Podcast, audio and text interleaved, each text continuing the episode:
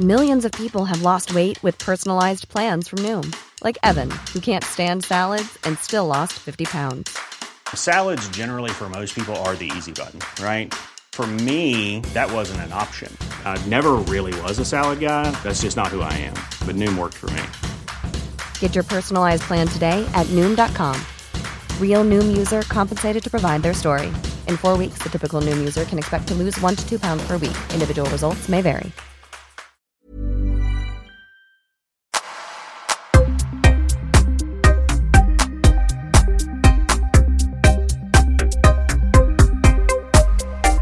Ola, välkommen till Öppet sinne. Tack Paul.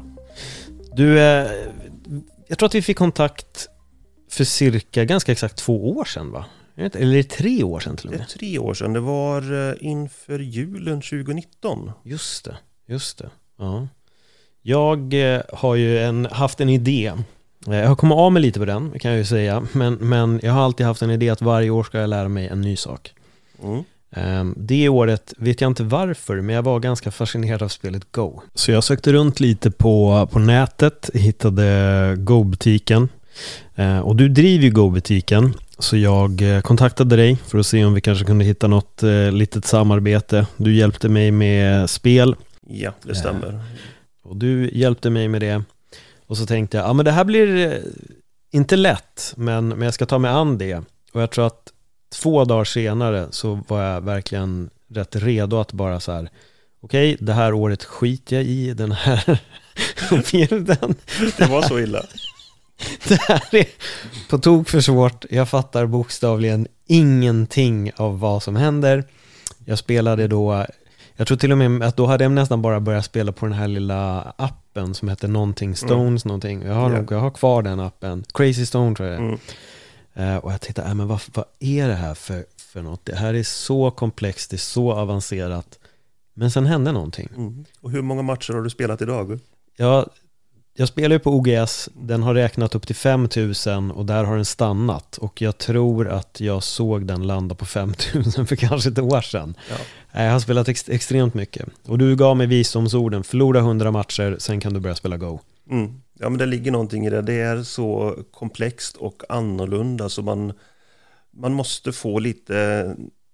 Man måste spela igenom ett antal gånger bara för att få en chans att greppa hur fungerar detta. Mm. Och i de första matcherna då kommer du inte att vinna. Nej. Nej, det är helt otroligt. Men, men hur lång tid tog det för dig att börja vinna i Go? Jag minns kan inte detaljerat. Jag, jag spelade ju bara mot appar i början. Mm. Och de har ju sina begränsningar. Eh, det svåra var att hitta kanske en app som kunde spela på tillräckligt dålig nivå, Mm. som jag minns det.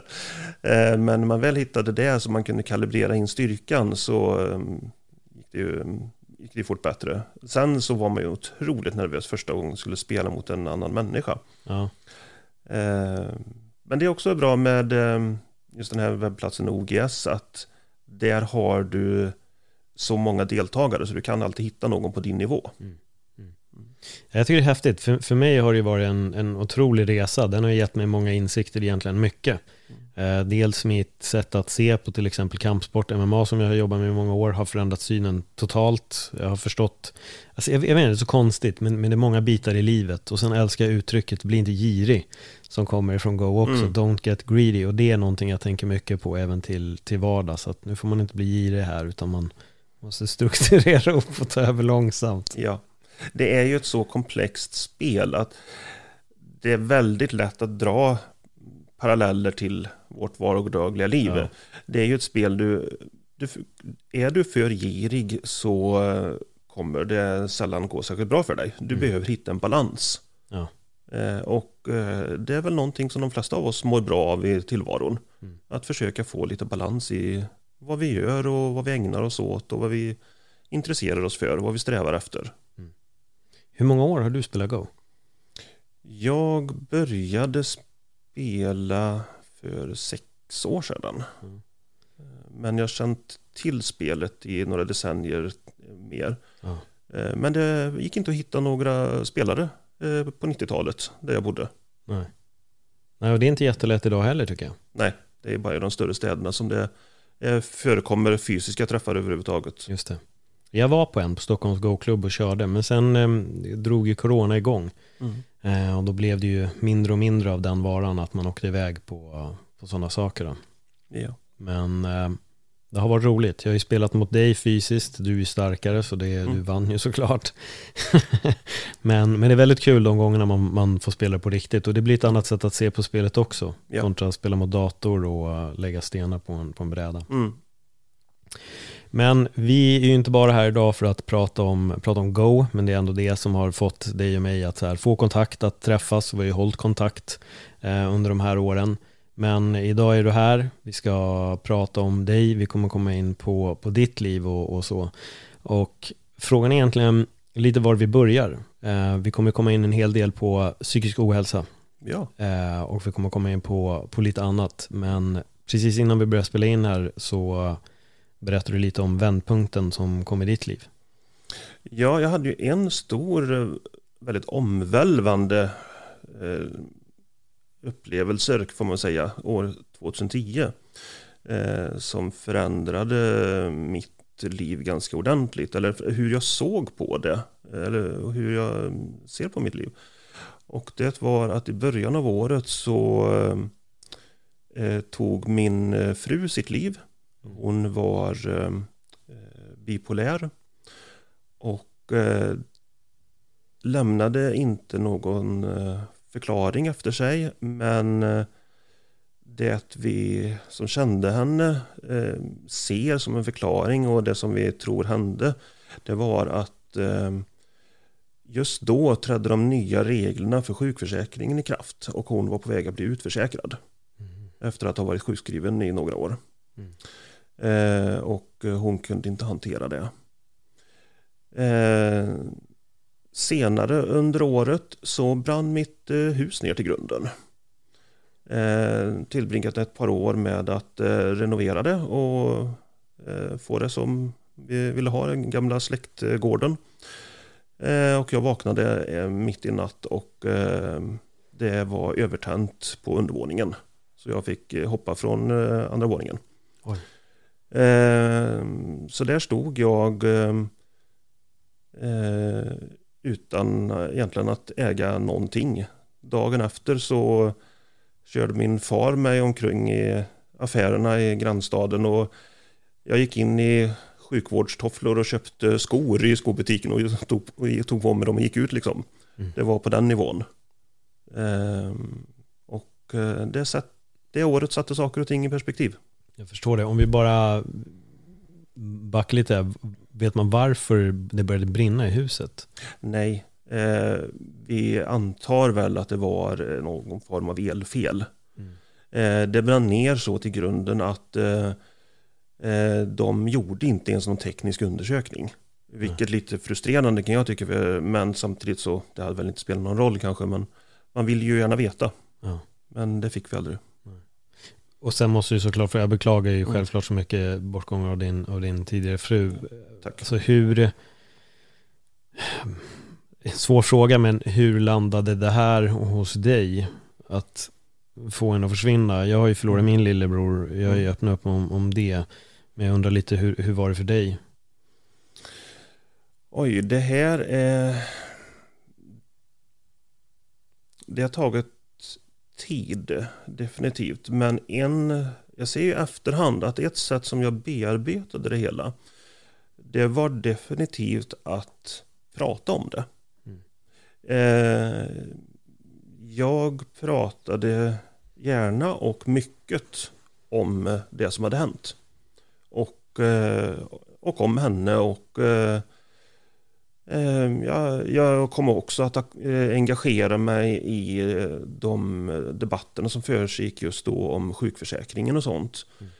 Eh, Men det hjälpte mig att eh, hantera det hela och att prata om det och att berätta det gång på gång. Det gjorde nog att ja, det blev helt enkelt också lättare med tiden. Mm. Det, var, det var en bearbetningsprocess för mig. Mm. Eh, sen så slumpade det sig så att jag eh, träffade eh, en person inte så lång tid efteråt, efter att detta hade skett, som jag fick känslor för. Och det var väldigt komplicerat att vara relativt nybliven enkling och att börja eh, få starka känslor för en ny person.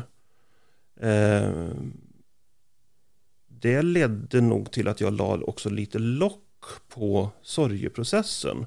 För att det inte skulle inkräkta för mycket på det som växte fram med eh, min nya, mitt nya förhållande. Mm. Det märkte jag av eh, här för ett par år sedan. Eh, när jag började gå igenom Mm, min första frus gamla dikter och sånt. Och började se på om det hade kunnat gå att eh, göra någonting med det. Ge, ge ut någon diktsamling eller något sånt. Och då satte jag sökljus, eller spotlighten på det vi hade tillsammans. Och då var det precis som att då startade sorgprocessen igen. Mm. Den kom tillbaka lite grann där. Eh, så jag trodde nog att jag var färdig med det, med sorgprocessen. Men var det egentligen inte. Eh, men nu börjar jag väl landa igen i det. Mm. Oj, ja, mm. det där är tufft. Jag, jag kan känna igen mig i det här med att prata om det. Mm. För det är någonting som har hjälpt mig. Ja. Att, att prata om det, att inte lägga locket på själva ja, men konversationen om vad som har hänt. Nej. Det har alltid hjälpt mig väldigt mycket. Det är svårare att minnas. Mm. Där jag kan tycka att det blir svårt. Mm. När man börjar backa tillbaka till historien och minnen och sakerna mm. som hände då, då blir det tufft. Första gången man gör någonting eh, som, man tid, som man hade gjort med den personen. Mm. Sen om det är fem år senare som man för första gången besöker en plats som man en gång var med den personen. Ja. Eh, så är det mycket tuffare än andra gången man gör det sen. Mm. Jag tänkte bara här, när du sa att du involverade dig i de här debatterna. Mm. Eh, jag har inte så bra koll på det där. Har du lust att förklara om, om det där? För jag förstår mm. ju verkligen paniken av att bli utförsäkrad och mår man redan dåligt så förstår jag att det kan putta en över kanten. Det var ju så att eh, 2000-talet så fanns det ett problem med att eh, det blev för många som var sjukskrivna för länge mm. och kanske av för enkla eller för inte tillräckligt starka skäl ansågs det. Det började kosta för mycket pengar. Eh, så då infördes det nya regler för vad som skulle krävas för att få vara långtidssjukskriven, alltså över ett år, eller kanske till och med bli sjukpensionär. Mm. Och Eh, från att ha varit, eh, inte enkelt, men i alla fall möjligt, så blev det väldigt, väldigt svårt. Eh, och det blev väldigt fyrkantigt. För de införde bland annat det här kravet att skulle du bli sjukskriven tills vidare, det vill säga typ sjukpensionär, så var det tvungen att vara ett livslångt problem. Och det låter väl inte helt orimligt, men det fick lite absurda konsekvenser. För till exempel, någon som absolut hade noll procent arbetsförmåga för att de stod, eh, de hade problem med ett hjärtproblem och behöver en hjärttransplantation. De kunde bli utförsäkrade. Därför att det var ju ett problem som skulle åtgärdas om de fick ett nytt hjärta. Mm. Alltså var det inte livslångt. Och de fick inte vara sjukskrivna mer än 12 månader. Så alltså blev de utförsäkrade. Mm. Alltså, det faller på sin egen orimlighet kan man tycka. Mm. Men det, inför istället ett krav på att eh, om arbetsförmågan återkommer så ska sjukförsäkring eller så ska sjukpensionen upphöra. Mm. Men ja, det, och det här var en eh, reform som genomfördes det var väldigt starka viljor emot den också. Det var remissinstanser som vägrade att svara på den eh, för att eh, eh, det ansågs vara så bara politiskt betingat och det var inte sakligt förankrat. Men ändå genomfördes det.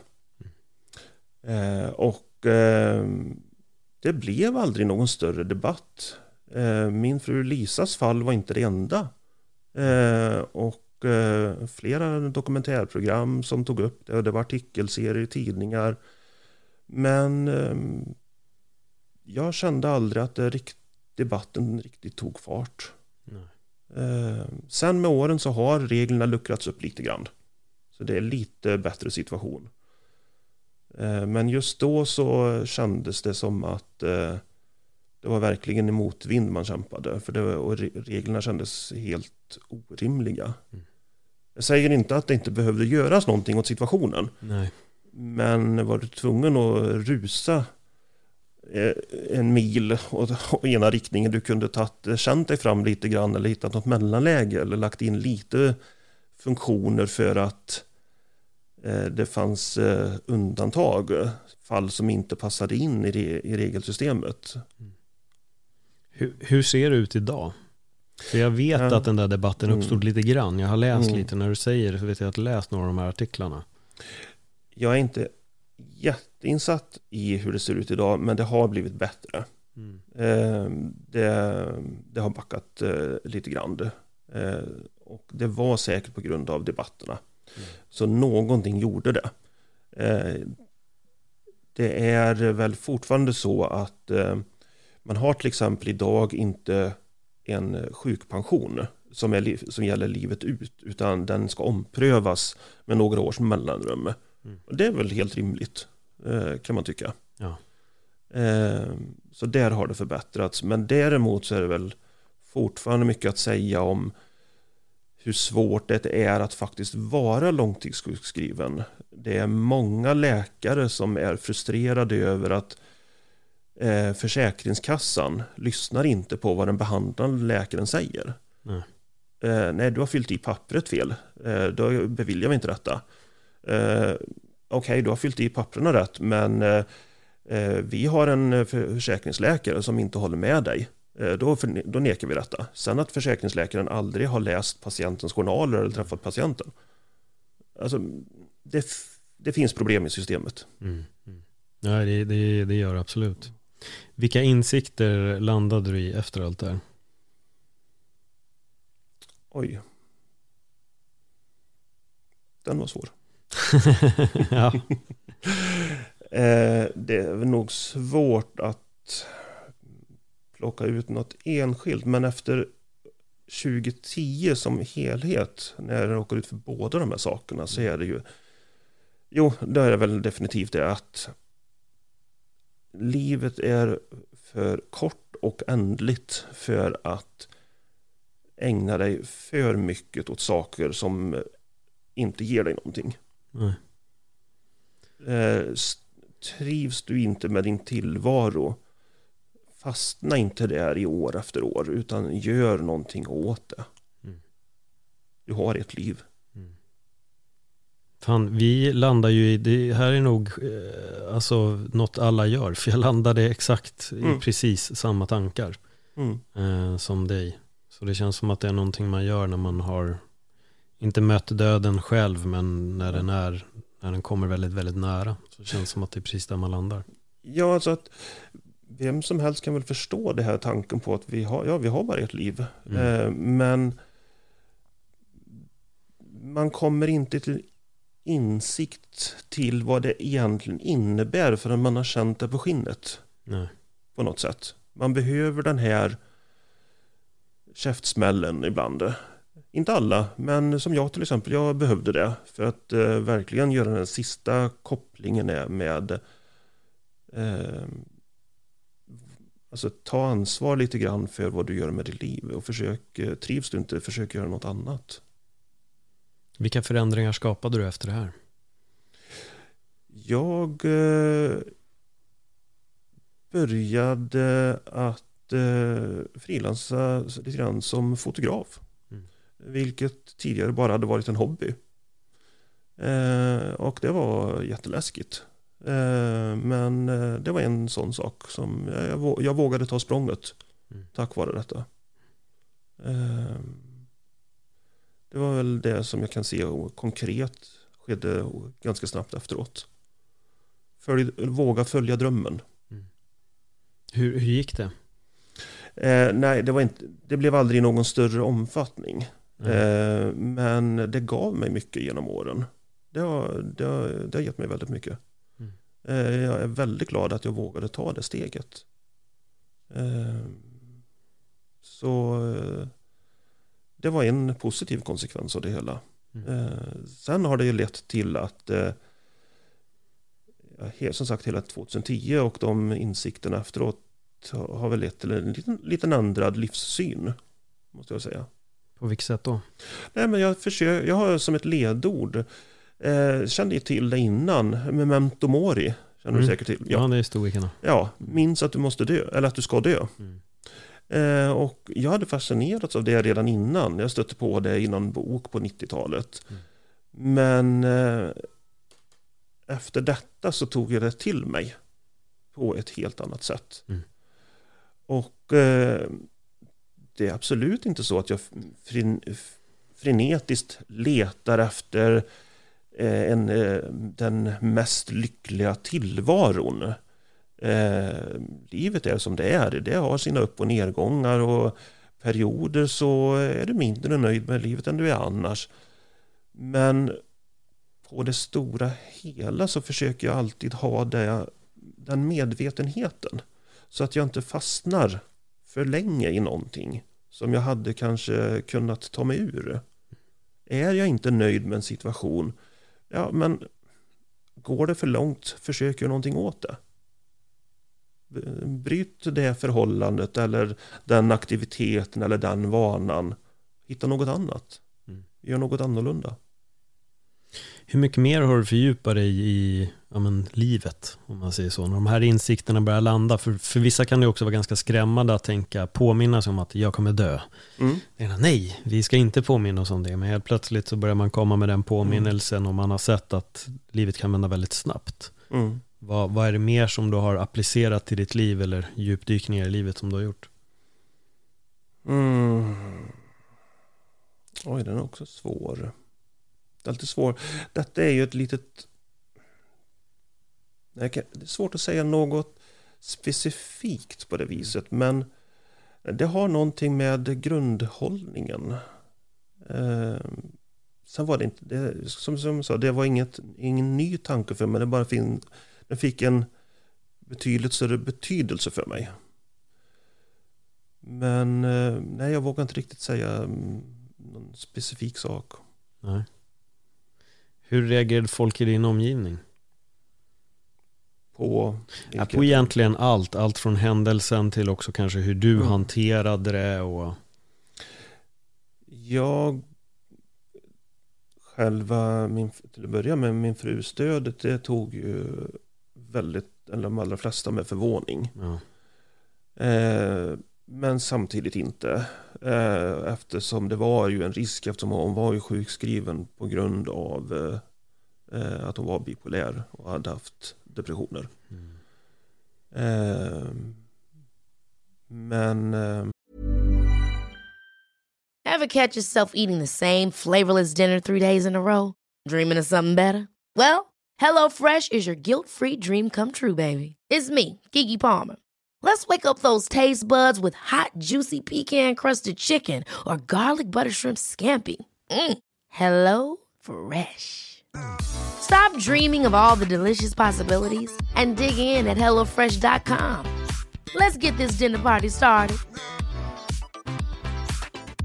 Quality sleep is essential. That's why the Sleep Number Smart Bed is designed for your ever evolving sleep needs. Need a bed that's firmer or softer on either side? helps you sleep at a comfortable temperature? Sleep Number smart beds let you individualize your comfort so you sleep better together. JD Power ranks Sleep Number number 1 in customer satisfaction with mattresses purchased in-store. And now, save 50% on the Sleep Number limited edition Smart Bed for a limited time. For JD Power 2023 award information, visit jdpower.com/awards. Only at a Sleep Number store or sleepnumber.com.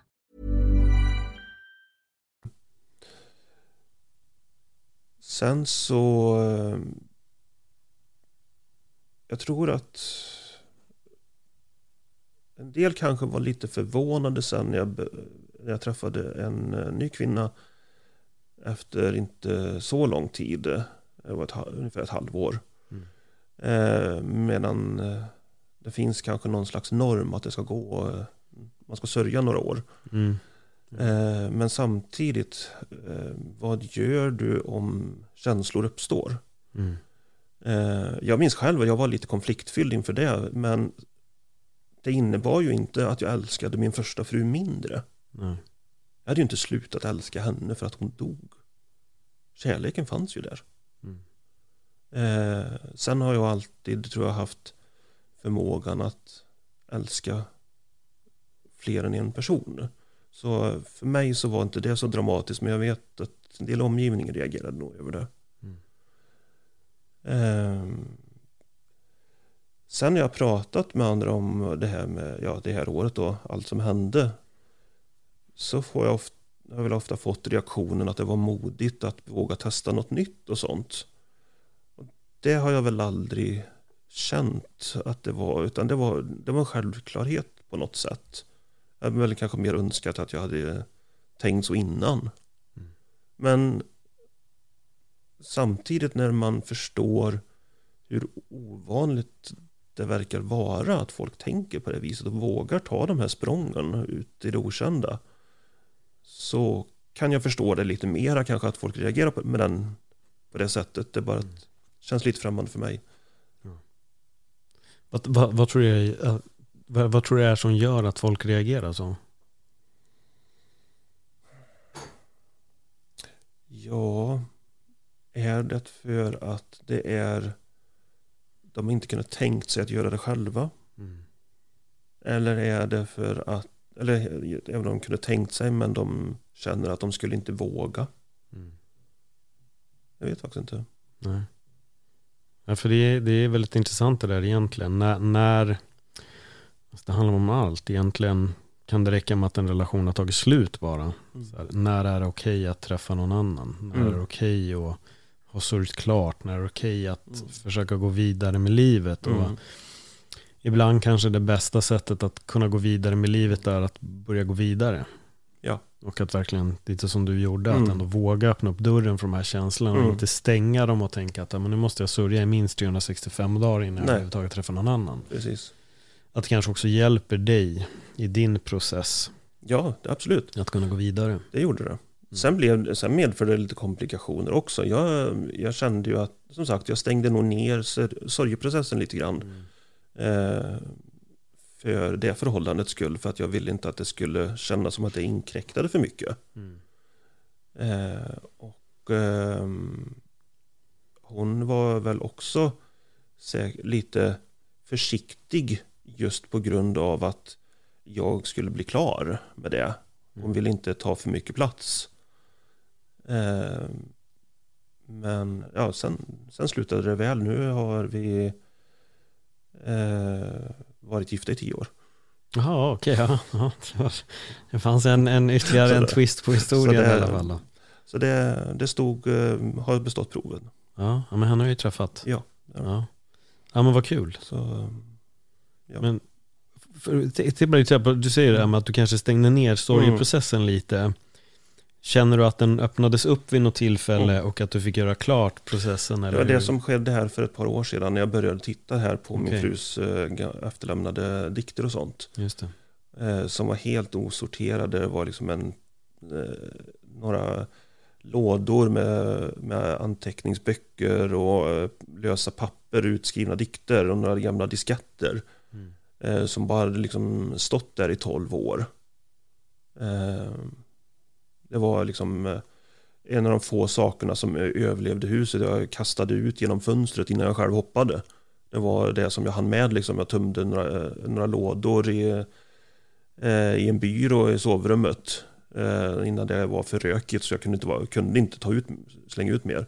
Det var det jag hade efteråt. Men sen blev det liggande eh, utan att jag såg på det i ett decennium.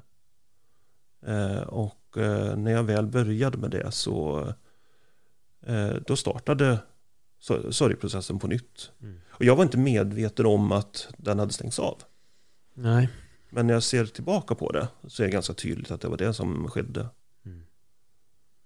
Eh, Så nu har jag på något sätt landat i det på nytt. kan man säga. Är du där fortfarande eller? Nej, nu, nu känner jag att nu är den processen, alltså, den blir väl aldrig klar, men det intensiva, Mm. eh, det känner jag väl att jag har landat i nu.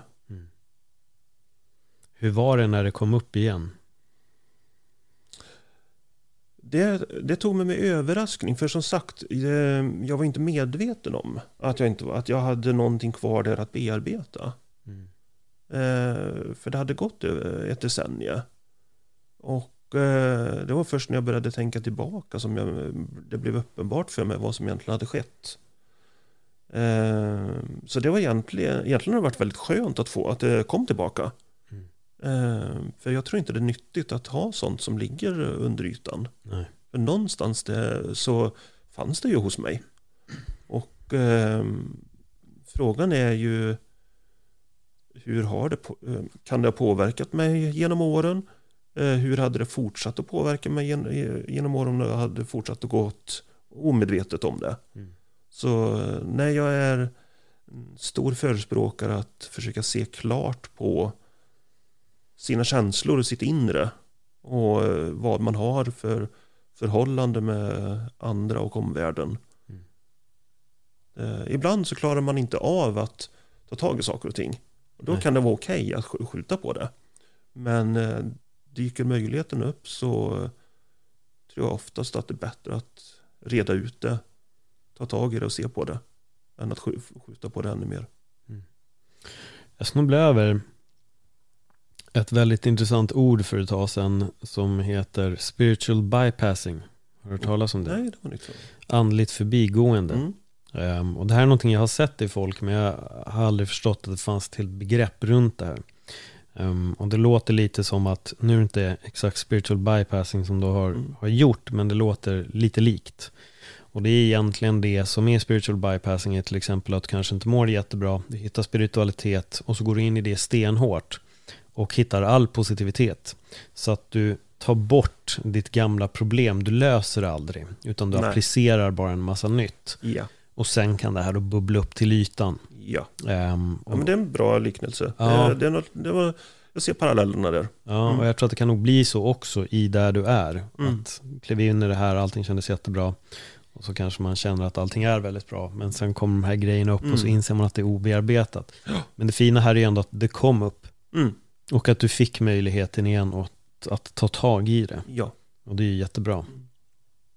Nej, så det är, på det stora hela så har det varit en, jag kanske låter konstigt att säga att det har varit en positiv process, men Mm. jo, på något sätt har det varit det. För fördelen är ju också, nu ser jag ju på det med perspektiv, Ja. Med eh, mer livserfarenhet och eh, ja, tidens perspektiv. Mm. Eh, så eh, jag ser väl på det som skedde och även vårt förhållande kanske på ett annat sätt. Så det är lättare att se ty- klarare på det idag med lite distans. Ehm, och eh, det har varit skönt att få bearbeta de här känslorna lite mer Mm. färdigt. Mm. För jag kan tänka mig det måste ju också vara en utmaning i sig att leva med någon som är bipolär och kanske har den problematiken som, eh, som hon hade. Både ja och nej. Jag har ju egna erfarenheter av detta. Jag har haft eh, återkommande depressioner sedan tonåren. Eh, och det är väl en av anledningarna till att eh, vi till att börja med blev tillsammans. Och det var för att vi förstod varandra. Just det.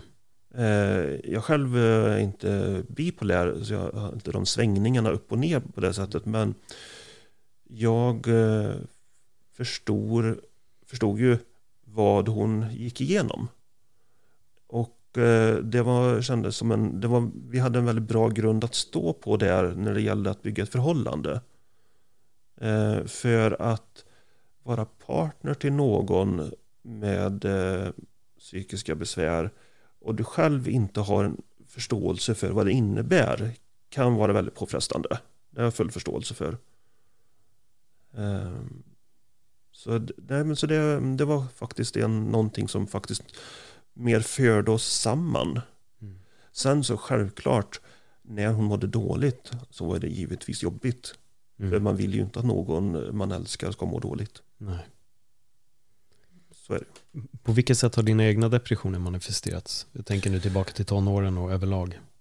Eh, det är mer klassisk depression i den bemärkelsen att eh, alltså, svart avgrund, eh, apati, eh, ångest, vill inte leva. Mm. Det finns ingen eh, mening med tillvaron. Mm. Eh, och eh, det är ju någonting som eh, har tagit många år att eh, börja, ens börja komma till rätta med. Eh, jag kan fortfarande ha mina mörka episoder men inte som det har varit förr. Men det har, det har krävt väldigt många års arbete framförallt med mig själv. Mm. Ja, jag är, har ätit mycket antidepressiva genom åren och det har hjälpt. Mm. Eh, men eh, framförallt så handlar det om att lägga till rätta vardagen. Eh, undvika sånt som eh, stressar mig, som får mig att må dåligt. Eh, utesluta personer ur mitt liv som tar kraft. Eh, ja, det, så det har varit ett mycket ett arbete med mig själv och bli medveten om de här faktorerna och lägga till rätta mitt liv för det. N när kunde du påbörja den eh, själva processen att verkligen börja blicka inåt? Det var först... Alltså jag har alltid varit introspektiv och mm. sökande. Mm. Men var ändå på något sätt blind för hur jag själv mådde och den gemensamma nämnarna som fanns varför jag mådde dåligt och sånt. Eh, tills det gick så illa att eh, jag gick i en så, ner en så djup depression där 99 att eh, eh, jag var tvungen att söka mig till psykiatrin och bli inlagd.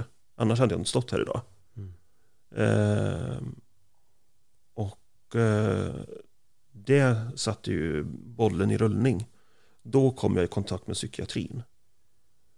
Eh, trots att jag då alltså hade haft de här problemen kanske i tio år nästan bara blivit värre och värre. Och trots att jag skulle säga att jag var eh, introspektiv och såg på mig själv. Jag, jag var på något sätt medveten om att jag var deprimerad. Men tog aldrig tag i det och förstod aldrig vidden av det. Nej. Och så blev det bara värre och värre och värre. Tills det inte gick att hantera längre. Det tog stopp. Mm.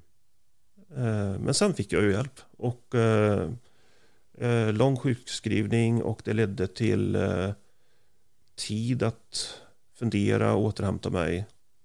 Och eh, sen har det fortsatt på den, eh, den utvecklingen. Vilken typ av hjälp fick du då?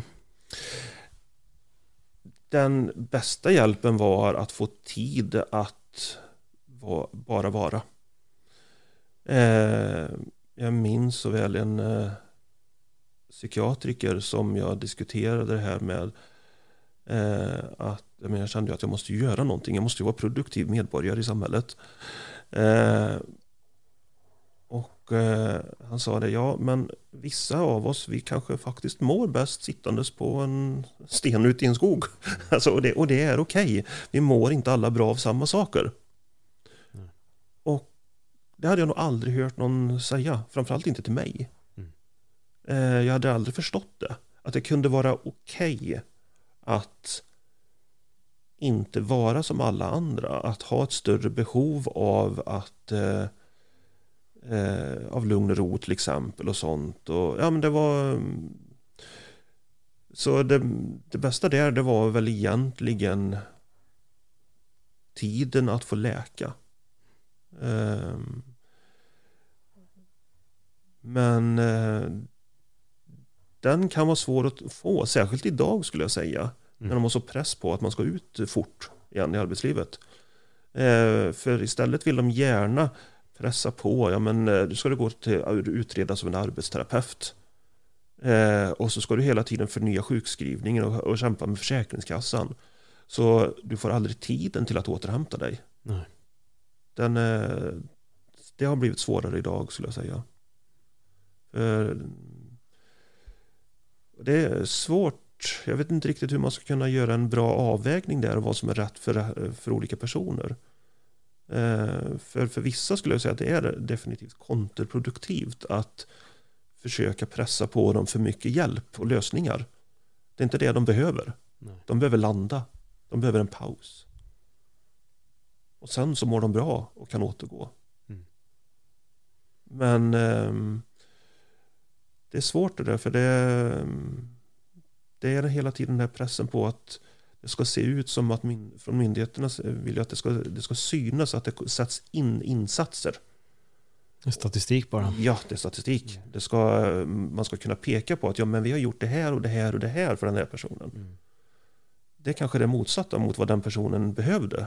Ja. Men eh, departementet, eller men Försäkringskassan behövde det för sin statistik. För de har krav på sig att det ska göra saker. Mm. Så den, vi har en bit att gå när det gäller sjukvård. Eh, och kanske särskilt skulle jag säga när det gäller mental ohälsa. Hur, hur ser det ut idag för dig? Är du medicinfri eller? Nej, jag är antidepressiva. Mm. Eh, men i mindre dos. Ja. Eh, och eh, det funkar fint eh, i stort sett idag. Men det är som sagt för att jag har lagt till rätta tillvaron. Jag har uteslutit eh, saker och ting som jag inte mår bra av. Och eh, jag undviker eh, sådana projekt som jag känner att jag kan, och det, kan vara, det kan vara svårt. Jag kan känna jätteentusiasm inför att göra någonting. Mm. Men eh, jag känner, inser också att nej, det där ska jag inte göra. För det kommer att sluta med att jag mår inte bra. Och det kommer ta, ta mycket längre tid att återhämta sig för än vad den glädjen är värd. Mm. Den är lite jobbig att hantera emellanåt. Mm. Men ett nödvändigt ont. Är det några fler saker som du har ändrat i din vardag just för att ja, få en bättre vardag? För mig så är det att eh, undvika för mycket krav. Mm. Det är kanske den allra största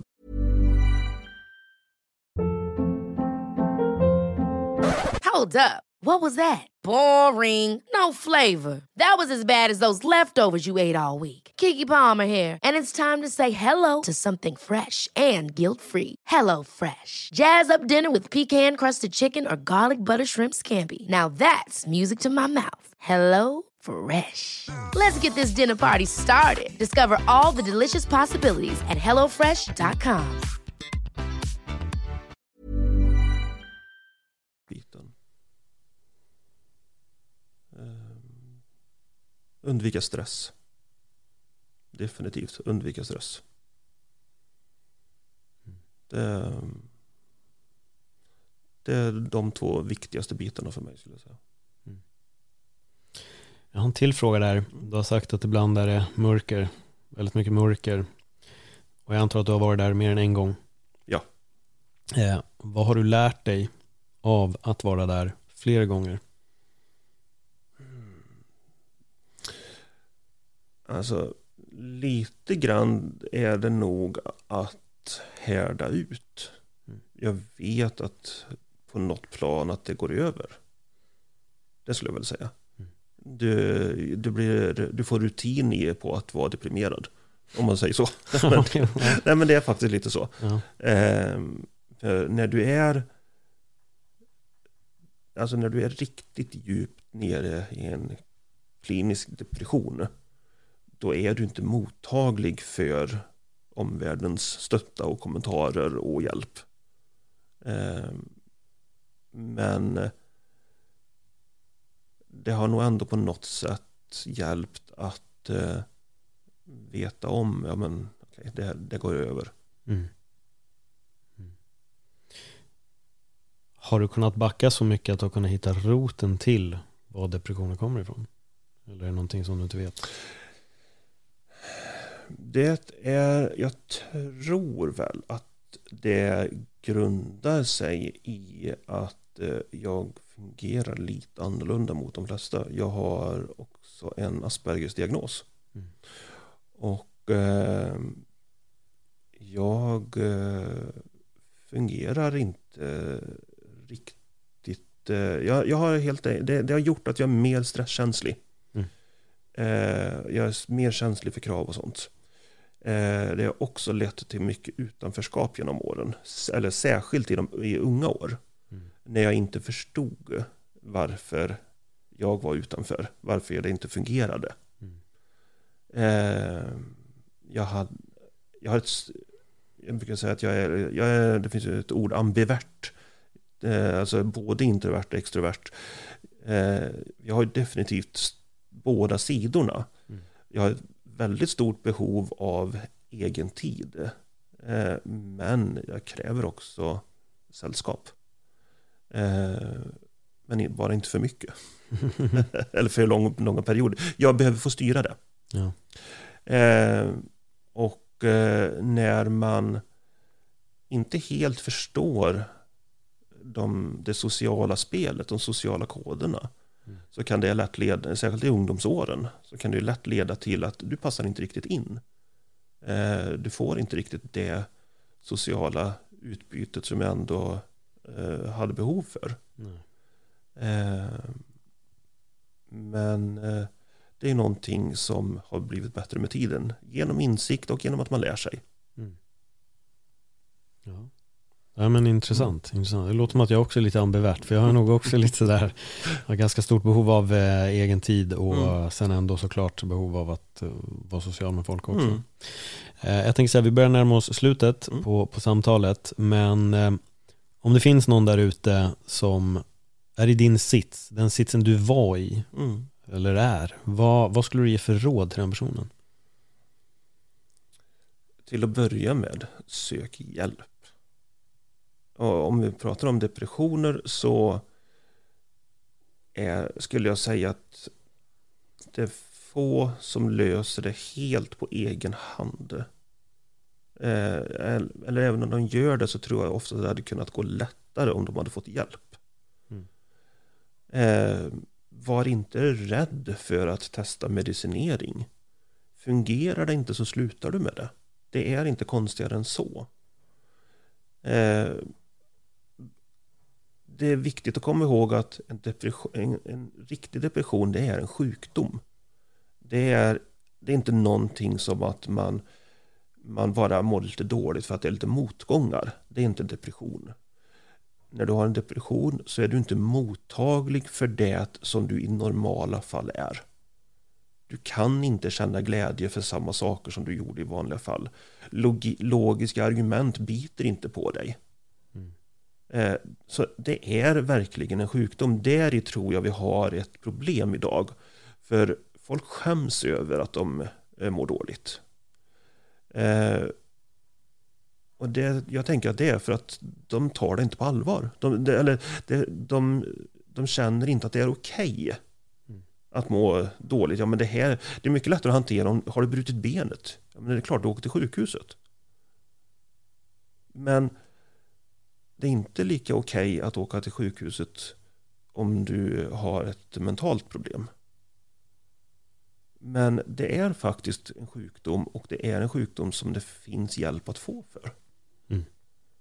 Det kan vara medicinering, det kan vara terapi, det kan vara att du bara får en paus genom en sjukskrivning. Men det, det finns faktiskt lite hjälp att få där. Sen, kan, är det lite, sen är det synd idag att resurserna är sådana att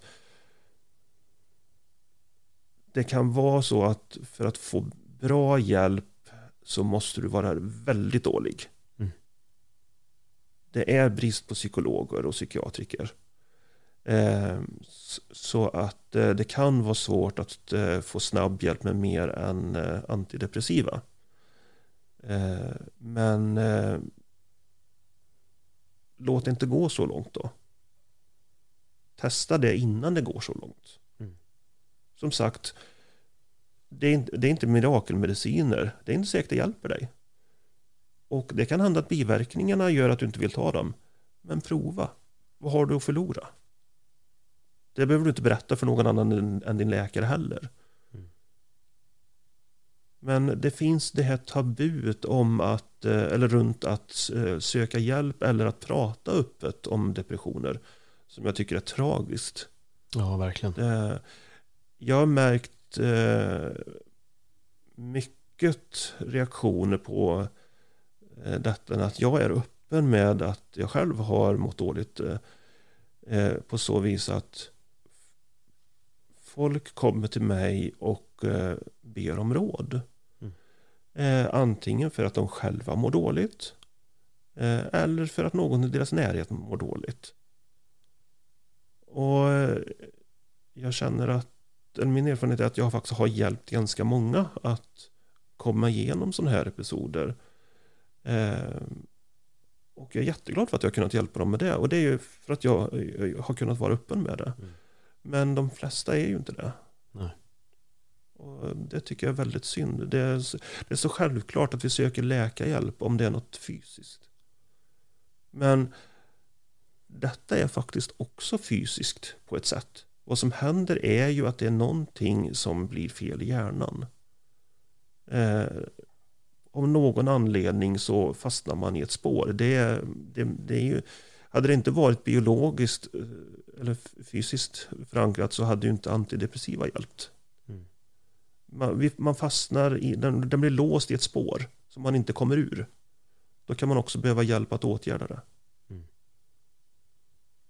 Ja. Nej men bra. Tack så jättemycket. Och tack för att du kom hit och öppnade upp dig och precis som du säger, det är viktigt att söka hjälp. Ibland kanske det räcker med att bara höra av sig till en vän eller våga prata med sin familj också. Mm, att bara sträcka ut en hand på det sättet så kommer man mm. alltid kunna få hjälp. Ja. Um, och det är, jag har sagt det här i podden flera gånger, men om du inte har någon alls så får du jättegärna skriva till mig också. Det är ett alternativ. Ni hittar länkar i bion till mig om det är så att ni behöver göra någonting. Men, men hör av er till någon. Eh, sitt inte själv med, med de här tankarna. Och, och, utan det finns alltid någon där. Mm. Ola, jättestort tack för att du kom och gästade podden. Det var slut så, bara ja. intressant. Ja, jag fick en introduktion till Go och nu har jag fått lära känna dig ännu bättre och nu har du delat med dig av mycket tankar och av visdomar helt enkelt till, till folket. Så jättestort tack för det. Ja, där har ni det. Så uh, kom ihåg, prata med uh, någon i alla fall. Tack för att du lyssnade. Hej då.